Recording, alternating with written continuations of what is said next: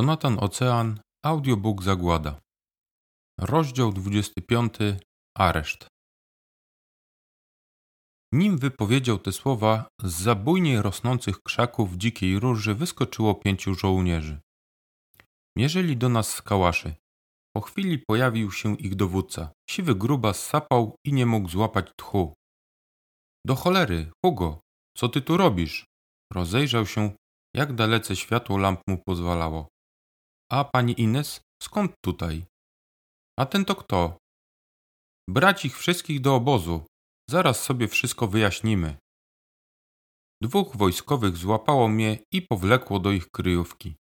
Po dziesięciu minutach marszu dotarliśmy do celu. Anton znał okolice i dobrał znakomite schronienie dla Nostran. Rozłożyli się około kilometra od osiedla w piwnicach domku jednorodzinnego. My wykorzystywaliśmy to miejsce do przechowywania zapasów dla strażników patrolujących tę strefę lub myśliwych. Z budynku rozciągał się doskonały widok na sąsiedztwo, a położenie pozwalało prowadzić obserwacje samemu będąc niezauważonym. Dom na pierwszym piętrze pozbawiony był okiennic, ale został okratowany, co ułatwiało dozór otoczenia. Okna na parterze zamurowaliśmy wiele lat temu, zostawiając tylko niewielkie otwory strzelnicze. Dowódca oddziału załomotał w masywne drzwi. Usłyszałem trzask zasuwy i weszliśmy do wąskiego przedpokoju, dodatkowo zabezpieczonego kratą, służącą do obrony przed dzikimi zwierzętami na wypadek, gdyby przedostały się do wnętrza budynku. Bez słowa sprowadzono nas do piwnicy, w której urzędował głównodowodzący. Dolny, dolny poziom zastawiony był skrzyniami, beczkami i puszkami. Pomieszczenie, tak samo jak górę, okratowano, oświetlono je lampą naftową, której płomień kołysał się od przeciągu. Na skrzyniach siedziało kilku zaspanych żołnierzy opartych o karabiny. Nasze przybycie na krótką chwilę wybiło ich z objęć Morfeusza, ale zaraz głowy im opadły i kontynuowali odpoczynek. Naprzeciwko wejścia, nad rozłożonymi mapami, stał rosły komendant. Jego twarz przypominała goryla z wielkim podbródkiem, mięsistymi wargami i kędzierzawymi włosami. Opierał się o stare drewniane biurko, którego nogi trzeszczały pod ciężarem jego włochatych łap wystających spod kamizelki Moro. Bączyk, mów, co tam się działo? zapytał basowym głosem. Kogo tam prowadzisz? Kapitanie Kaleta! Wyprężył się strażnik, a zafalował mu brzuch sterczący z nad ściśniętego paska. Na miejscu, skąd dobiegały strzały, znalazłem Hugo, jego matkę i tego faceta. Dalej nie słuchałem. Matkę? Hugo jest synem Ines? Jak to możliwe? Dlaczego nic nie powiedziała? Coś mi się nie zgadza. Ile on może mieć teraz lat? Moje rozmyślania przerwał jeden ze strażników, który kolbą karabinu pchnął mnie bliżej dowódcy. Kapitanie Kaleta, mam niesłychanie ważną wiadomość, mówiła Ines. Ten oto więzień wyjawił nam, że Anton miał zamiar was zdradzić i potajemnie sprowadzić oddziały kolonii Krotokwilian do domu, w którym znajdujemy się każdej chwili możecie zostać zaatakowani przez wojskowych zaalarmowanych przez Antona. Komendant wyszedł z zabiórka i podszedł do mnie. Jego kaprawa morda nie wyrażała żadnych uczuć. Przyjrzał mi się i zapytał: Czy to prawda? A może to ty kłamiesz w celu ratowania swojej dupy? Chcę ratować swoją dupę i waszą też, odpowiedziałem. Dlatego uznałem, że lepiej dla mnie będzie ujawnić prawdziwy plan Antona. Całą mistyfikację wymyślił Pała, szef wyprawy, jeszcze zanim skazano nas w sądzie. A skąd ja mam wiedzieć, że nie łżesz jak pies? Kaleta zaczerwienił się jak burak i podzrosił jego czoło, pomimo że w piwnicy czuć było zimny cuk. Coś mi tu śmierdzi, Hugo! A ty skąd wziąłeś się kilometr od obozu? Kapitan wprawdzie wyglądał na debila, lecz nie dał się łatwo oszukać zmyśloną historyjką. Od dalszego przesłuchania uratował nas wbiegający żołnierz. Kapitanie, zauważyliśmy niewielki oddział okrążający nasze pozycje, meldował zdyszany. Znajdują się jakieś 300 metrów od nas. W tej ciemnicy trudno dostrzec, czy to są wojskowi i jak liczna jest grupa. Skradają się powoli i ostrożnie. Wy zostajecie tutaj, wskazał na nastroje. Bączyk, zostań i miej na nich baczenie. Reszta za mną. Senni żołnierze zerwali się na równe nogi i jeden po drugim wybiegali z piwnicy. Za nimi podążył goryl i zostaliśmy sami z buńczykiem. Ten bez słowa wskazał nam skrzynię w kącie, a sam usiadł na krześle, które od jego ciężaru głośno zatrzeszczało. Położył swojego kałasznikowa na kolana, wyciągnął nogi w worku z mąką i oparł głowę o kraty. Nie minęło kilka minut, gdy jego brzuch zaczął rytmicznie podnosić się i opadać, a on sam sapiąc wpadł w drzemkę. Co to za ludzie nas okrążają? zapytała Ines.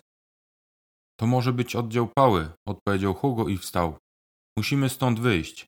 Niedługo świt i musisz wrócić do domu, zwrócił się do Ines. Grubas zasnął, cicho. Staliśmy i bez szmeru skierowaliśmy się w stronę wyjścia. Jak na złość, kiedy byliśmy już koło Bończyka, z oddali zaterkotały strzały z karabinu. Niezbyt głośne, ale strażnik zerwał się na równe nogi i ze zdziwieniem spojrzał na nas. Hugo niewiele myśląc, pięścią wyrżnął go w twarz tak, że ten przyleciał i wywalił się przez worek stojący za nim. Walnął przy tym głową o skrzynki stojące za workiem i już się nie podniósł. Coś ty zrobił, wrzasnęła na niego Ines. Coś się później wymyśli, z głupią miną rozłożył ręce olbrzym. Teraz musimy stąd wiać. Wyszliśmy z piwnicy na wyższy poziom. Na parterze nikogo nie było, ale na piętrze dało się słyszeć dyskusję. Opuściliśmy budynek niezauważeni przez nikogo. Na zewnątrz padły kolejne strzały. Kilka pojedynczych, a potem długa seria skałosznikowa rozdarła nocne niebo. Za mną, cicho, rozkazał Hugo.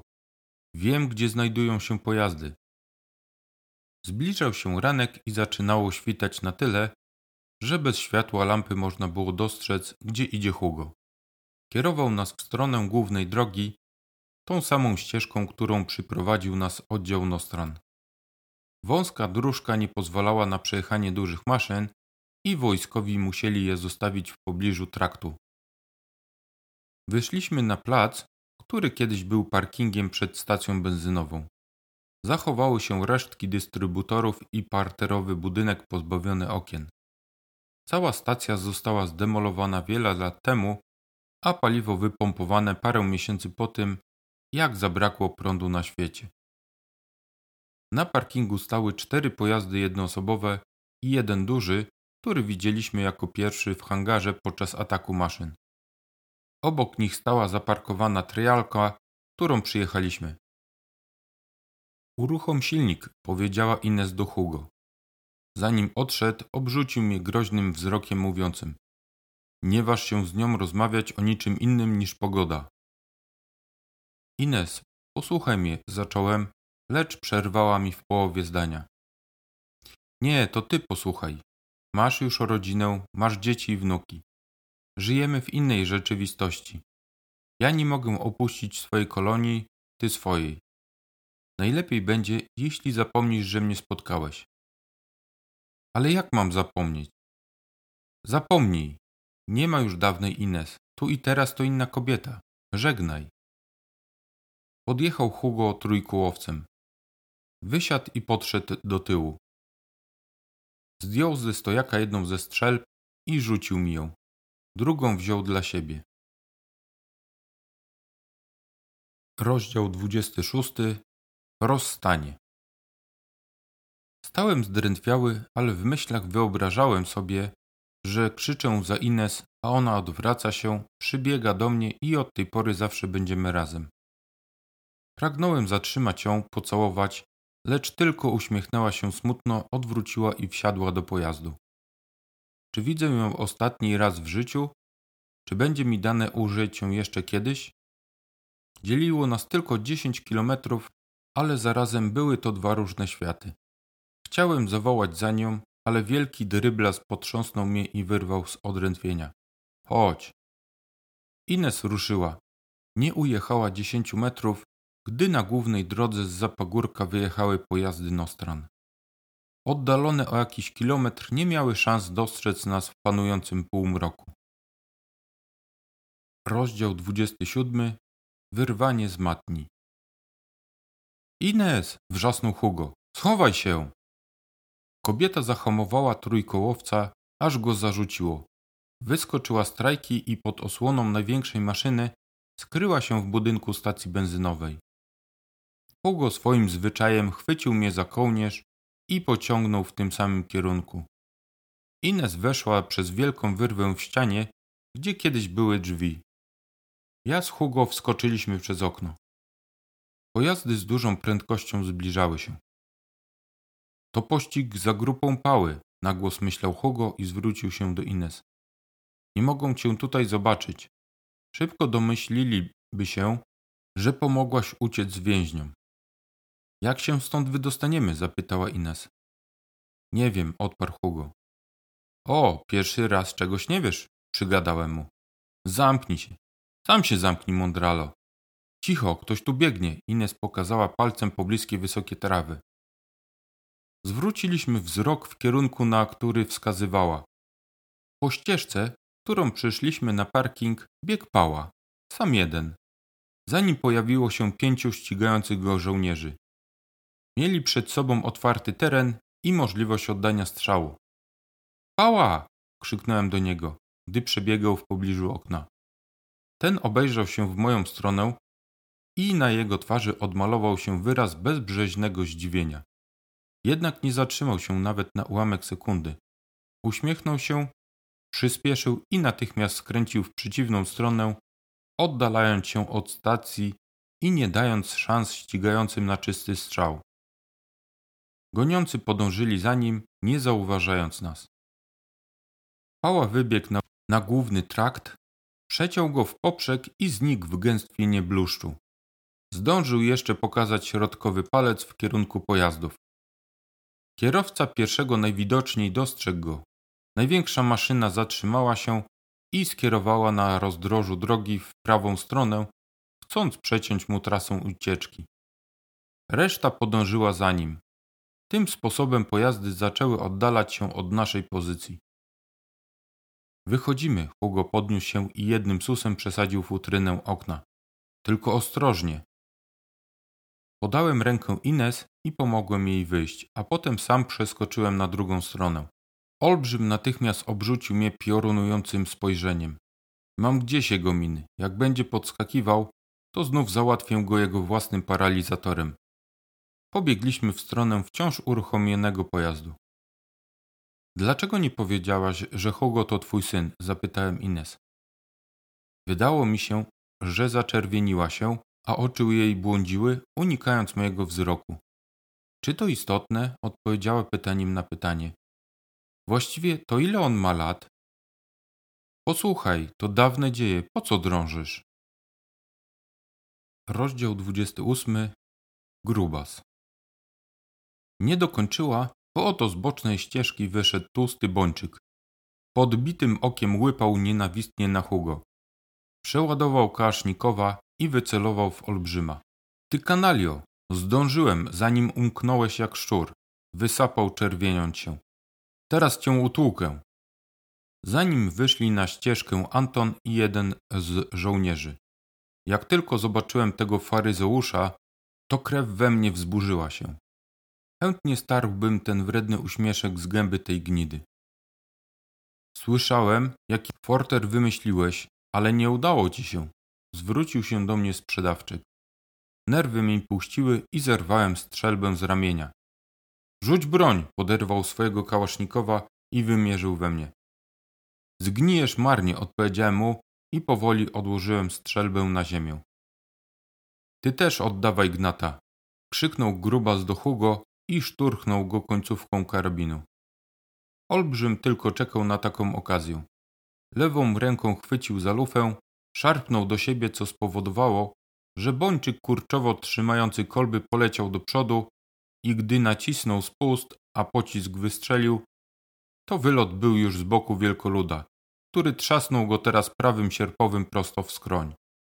Tłuścioch jak rażony piorunem wyprężył się i zwalił na ziemię. Anton zawahał się i jak w zwolnionym tempie skierował broń na Hugo. Ten ułamek sekundy rozterki wystarczył, żeby atleta zdążył zrobić przewrót i trzymanym karabinem jak maczugą trzepnąć żołnierza w skroń. Anton wcisnął cyngiel i puścił serię w kierunku olbrzyma. Zgubił go brak wprawy. Odrzut kałasza podbił lufę i rzemieślnik posłał wszystkie pociski ponad naszymi głowami, kosząc gałęzie pobliskich drzew. Hugo skoczył w jego kierunku, lecz był za daleko. Anton tym razem waląc nisko wzbijał ziemię i odłamki kamieni. Olbrzym w ostatniej chwili przeskoczył przez leżącego bączyka, gdy seria z automatu roztrzaskała czaszkę grubasa. Krew bryznęła, ale Anton wcale nie zaprzestał ostrzału. Nie zwracał przy tym uwagi na mnie, co dało mi szansę na poderwanie strzelby z ziemi. Rzuć broń! krzyknąłem, lecz on nie słuchał. Skierował lufę w moją stronę, jednak nie zdążył strzelić. Hugo, precyzyjnie celując między oczy, jednym wystrzałem uratował mnie od niechybnej śmierci. Spadamy stąd, zaraz będzie tu reszta oddziału, krzyknął Hugo. Ines była przy pojeździe pierwsza i wskoczyła za kierownicę. Zanim dobiegłem z olbrzymem, pojawili się pierwsi żołnierze Nostran i otworzyli ogień w naszym kierunku. Hugo na oślep odpowiedział tym samym, co pozwoliło nam wskoczyć na tylne siedzenie. Ines dodała gazu i sprawnie ruszyliśmy. Odwróciłem się i kilkukrotnie strzeliłem, nawet nie licząc na to, że trafię. Za ściany trzcin wyskoczył kapitan Kaleta i zobaczywszy całą scenę, w tym rozłupaną czaszkę Bończyka w kałuży krwi, zaczął wykrzykiwać obelgi pod naszym adresem. Odjechaliśmy już ze sto metrów od niego, lecz jego donośny głos doskonale było słychać nawet zapufania silnika. Goryl złożył się do strzału i wypalił. Ciałem Hugo szarpnęło i zwalił się na mnie. Jego twarz ściągnął grymas bólu i poczułem ciepło spływające na moje dłonie. Wyszarpnąłem je i zobaczyłem szkarłatną krew rozmazaną i lepką. Kaleta wygarnął drugi raz i silnik zasyczał innym dźwiękiem. Para świstała i ulatywała z rozszczelnienia. To wielkie szczęście w nieszczęściu, że goryl nie trafił w zbiornik znajdujący się z tyłu. Jego ciśnienie spowodowałoby śmiertelny dla nas wszystkich wybuch. Puściłem serię, która ponownie nie dosięgła celu, ale spowodowała, że goryl skrył się i nie ostrzeliwał nas. Hugo jest ranny, przekrzyczałem Sygpary. Jedź, nie zatrzymuj się. Co mu jest? Hugo twarz miał skurczoną w grymasie bólu, rana musiała być poważna. Leżał częściowo na mnie i cały czas czułem ciepło sączącej się posoki. Nie chciałem go ruszać z tej pozycji, żeby nie sprawiać mu cierpienia. Widziałem, jak krew ciekła z niego jak przez durszlak. Musimy natychmiast go opatrzyć i zatamować krwawienie. Jedź do mojego osiedla, to jakieś cztery minuty drogi. Ale nie możemy jechać do twojej kolonii. Musimy, skręć tu w lewo. Wskazałem jej trakt wiodący do głównej bramy i jednocześnie najkrótszą drogę do celu. On się wykrwawi, a silnik traci moc. Obejrzała się za siebie i skręciła we wskazanym kierunku. Od kapitana kalety odgrodziła nas teraz ściana brązowych iglaków, wysokich na pięć metrów. Czy ich pojazdy są szybkie? zapytałem Ines. Mają szansę nas dogonić? O to bym się nie obawiała, odpowiedziała. Wszystkie mają wygaszone piece. Ich uruchomienie zajmie im ponad godzinę. Zapewne z atakiem też wstrzymają się. Zastrzeliliśmy Antona i teraz muszą obmyślić nowy plan. Ciekawe co spało. Poradzi sobie, odpowiedziałem pewnym głosem. O niego akurat obawiałem się najmniej. Pobliskie okolice znały jak własną kieszeń i wyprowadzenie w pole ścigających go nostran uznałem za pewnik. Rozdział 29. Ranny. Pojazd podskoczył na nierównościach. Hugo jęknął i powiedział coś, ale tak niewyraźnie i cicho, że go nie zrozumiałem. Silnik pracował coraz głośniej. Z nieszczelności ulatywała sykiem para. Jechaliśmy zdecydowanie wolniej. Szczęśliwie po pokonaniu kolejnego zakrętu ujrzałem bramę wjazdową kolonii. Główne wrota były otwarte. Okalały je dwie wieżyczki, na których zawsze znajdowało się co najmniej dwóch strażników. Olbrzym ostatkiem sił złapał mnie za kołnierz i przyciągnął do siebie. Przybliżyłem ucho do jego ust, żeby zrozumieć, co mówi. Odpraw matkę do domu. Nie martw się. Dotrze tam be bezpieczna. Zapewniłem go. W tej chwili tylko tyle mogłem zrobić dla tego chłopaka. Strażnicy zauważyli nas i wszczeli alarm. Donośne bicie w dzwon rozniosło się po okolicy, co nieszczególnie mnie zdziwiło, gdyż większość z obecnych żołnierzy urodziła się już po zagładzie i nigdy nie widziała pojazdów mechanicznych. A tu nagle pojawia się niezidentyfikowany wehikuł, świszczący i dymiący. Zbliża się z dużą prędkością i pędzi prosto ku bramie. Zwolnij, bo jeszcze gotowi strzelać, poleciłem Ines, chociaż nasza prędkość i tak już zmalała do marszowej. Jedną ręką podtrzymywałem Hugo, drugą machałem do młodego waciaka, który dzisiaj stał na warcie. Poznał mnie, jego mina wyrażała zdziwienie i zarazem przerażenie. Dał znak, żeby zatrzymać się. Jedź, nie stawaj, poleciłem Ines. Biegnij po znachora, rozkazałem waciakowi, gdy koło niego przejeżdżaliśmy. Co się stało? Jesteś cały we krwi, stał jak wryty. Szybko! Pomocy! Dopiero teraz zorientowałem się, że wyglądam potwornie. Sprawiałem makabryczne wrażenie, machając zakrwawionymi rękami. Jednakże to nie była moja krew. Hugo stracił jej tyle, że oblepiła wszystko dookoła. Strażnik znikł w drzwiach głównego budynku osiedla. W tym samym momencie wyskoczyło stamtąd czterech uzbrojonych mężczyzn, zaalarmowanych dzwonkiem. Każdy w dłoni dzierżył strzelbę obrzyna, która była głównym uzbrojeniem naszych wojskowych i wartowników. Już wcześniej zastanawiałem się, skąd w kolonii Nostran taka dostępność i powszechność kałasznikowów. Cała czwórka znieruchomiała na widok wehikułu. Potem ich wzrok przeniósł się na Ines. Pomóżcie go przełożyć. Dostał kulkę, stracił sporo krwi, krzyknąłem. Dopiero na to wezwanie ocknęli się i podeszli do pojazdu. W międzyczasie przebiegł sanitariusz z noszami do transportu. Waciak poleciał po doktorka, a my zabierzemy rannego do gabinetu. Kto to w ogóle jest? Co to za machina? Nie mógł nadziwić się sanitariusz. Długa historia, bierzcie go, tylko delikatnie, mocno broczy, odpowiedziałem. My tymczasem musimy zwołać Radę Starszych.